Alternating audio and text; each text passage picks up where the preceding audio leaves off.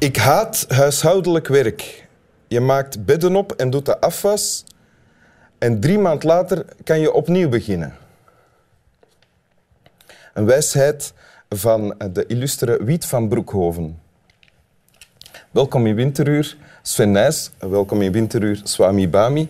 Ik ga vooral met jou praten. Sven Nijs, eh, de beste cyclocrosser aller tijden. Samen met misschien Erik de Vlaming. Op die manier houden we Roger stil, door dat te zeggen. Dat is een goed begin. Uh, maar je bent sinds, ik denk, drie jaar een ex-topsporter. Ja, dat is mijn derde seizoen dat ik er niet meer bij ben als actief sporter. Ja. En op dit moment doe je andere dingen?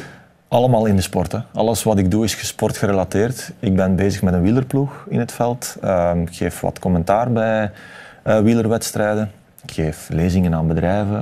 Uh, ik ben eigenlijk nog altijd wel heel betrokken partij in de sport waar ik altijd van gehouden heb. En je sport zelf ook nog altijd? Ja, dat, is eigenlijk mijn drijfveer. Dat is de reden waarom ik het allemaal nog uh, zoveel energie heb. Ik kan dat niet loslaten. Dat is nog altijd mijn passie. Ja. En ondertussen is de opvolging ook al min of meer verzekerd. Het is waarschijnlijk te vroeg om dat ja, te Ja, dat is absoluut te vroeg. Hij is heel jong, uh, 16 jaar. En hij heeft de microben ja, gekregen van de papa, denk ik. Maar dat kan nog alle richtingen uit. Hij fietst letterlijk door zijn puberteit en dat is wel mooi om te zien. Ja, oké.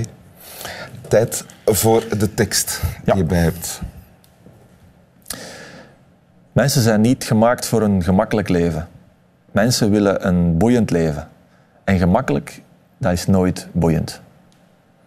Oké. Een kader? Ja, uh, die van mij eigenlijk heel veel heeft betekend en nog altijd. Ik ga meestal op vrijdagavond naar de kinesist gedurende mijn actieve carrière en op maandag na de wedstrijden. En dat hangt al twintig jaar uh, boven mijn hoofd als ik word gemasseerd. En dat heeft mij altijd geïnspireerd. Dus je ligt dan op je rug? Ja, of ik zit recht, uh, maar het hangt tegen de muur. Ah, ja. In dat kleine lokaaltje, de gordijn wordt dichtgetrokken en ik word gemasseerd, ik word behandeld om terug klaar te zijn voor de volgende wedstrijden. Dus dit is van jouw kinesist? Dit is van mijn kinesist. Ah, oké. Willy is zijn naam. Ja. En voor mij een vertrouwenspersoon geweest.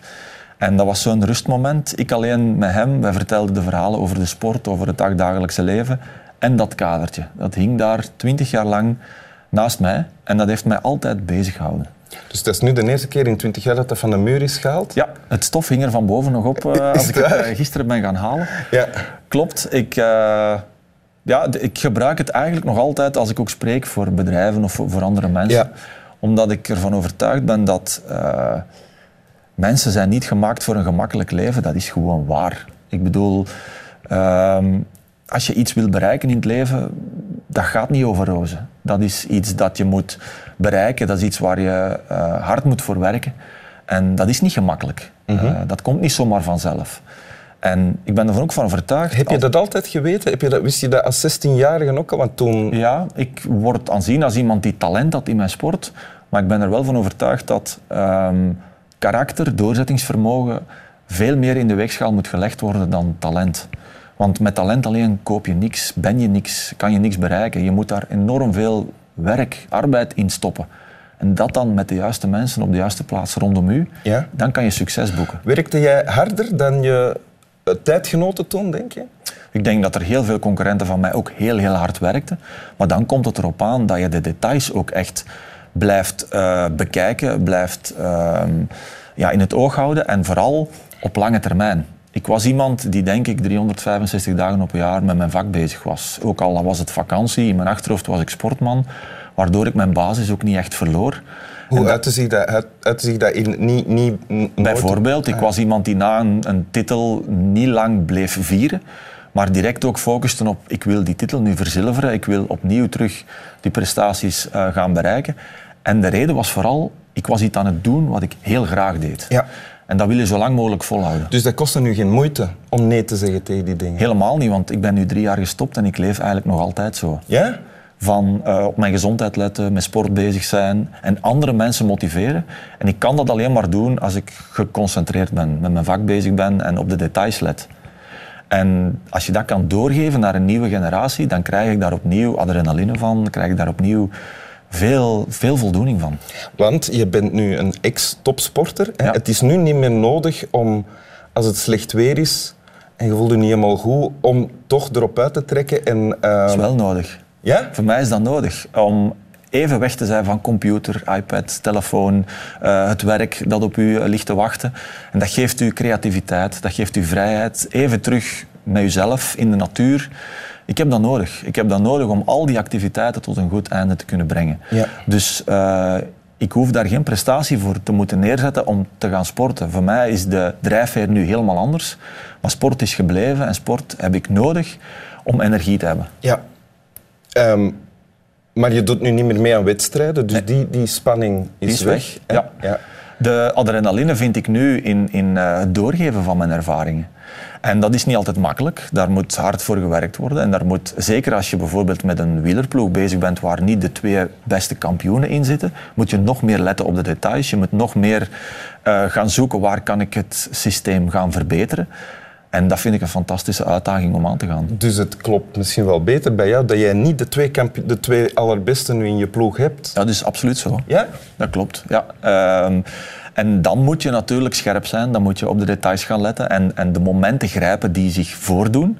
En ik denk dat we daar aardig in slagen. En, en ehm, ik denk dat we een positief verhaal schrijven. En, en ja, dat is, dan moet je zelf ook positief in het leven staan. Dan moet je energie uitstralen en dan moet je kunnen doorgeven aan andere mensen. Wat je doet, als ik je goed begrijp, is ook je bewust je comfortzone verlaten. Of dat heb je vaak moeten doen. Hè? Absoluut. Eh, Ik denk dat grenzen verleggen, je lat verhogen, dat dat alleen maar kan als je je comfortzone verlaat. Zijn er nog eh, andere manieren waarop je dat doet dan in de sport? ja, nu dagdagelijks. Hè. Dus door het feit dat ik nu een beetje meer ondernemer ben geworden, coach ben geworden van anderen, ehm, moet ik het niet altijd bij mezelf gaan zoeken en moet ik nu ook niet altijd eh, gaan kopiëren wat ik heb gedaan. Ik werk met andere karakters, ik werk met andere mensen. Je Dus ik, spreekt ook voor groepen mensen. ik spreek ook voor groepen mensen waar ik, waar ik eh, mijn ervaringen doorgeef.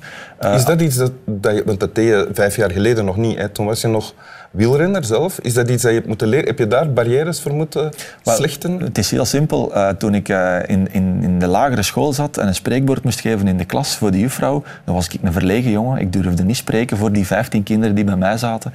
Eh, ik, ik kon de materie slecht onthouden. En ik heb mijn carrière afgesloten in een sportpaleis waar ik een speech geef voor 15.000 man. Ja. Dan is er gedurende die carrière enorm veel veranderd. En ik heb het gevoel nu dat ik net ben afgestudeerd aan de Universiteit van het Veldrijden. En daardoor nu een nieuwe carrière kan gaan uitbouwen.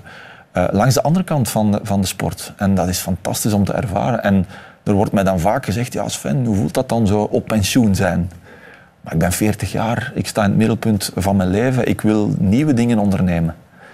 Maar je moet creatief zijn. Ik vraag mij wel af, een van de... wa- Wat ik onder andere aantrekkelijk vind aan bijvoorbeeld cyclocross, dat is, het is buiten slecht weer en dan voor een tv zitten met een koffie en Ja. een stuk taart of een pintje Ja. en naar de koers kijken. Maar wat ik nu beschrijf, ik denk dat dat voor veel mensen zo is. Absoluut. Maar het is wel alleen maar comfort, veiligheid. Dat is het tegengestelde van wij...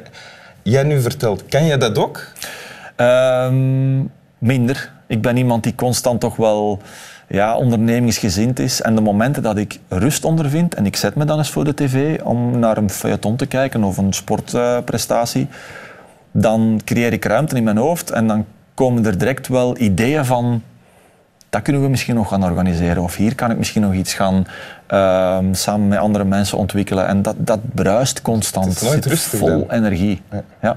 En dat is, eigenlijk vind ik dat wel boeiend. Oké. En dat is niet gemakkelijk. En dat staat hier ook beschreven. Wil je het nog eens voorlezen? Absoluut. Mensen zijn niet gemaakt voor een gemakkelijk leven. Mensen willen een boeiend leven. En gemakkelijk, dat is nooit boeiend. Oké, dank je wel. Alsjeblieft. Slap wel. Slaap wel.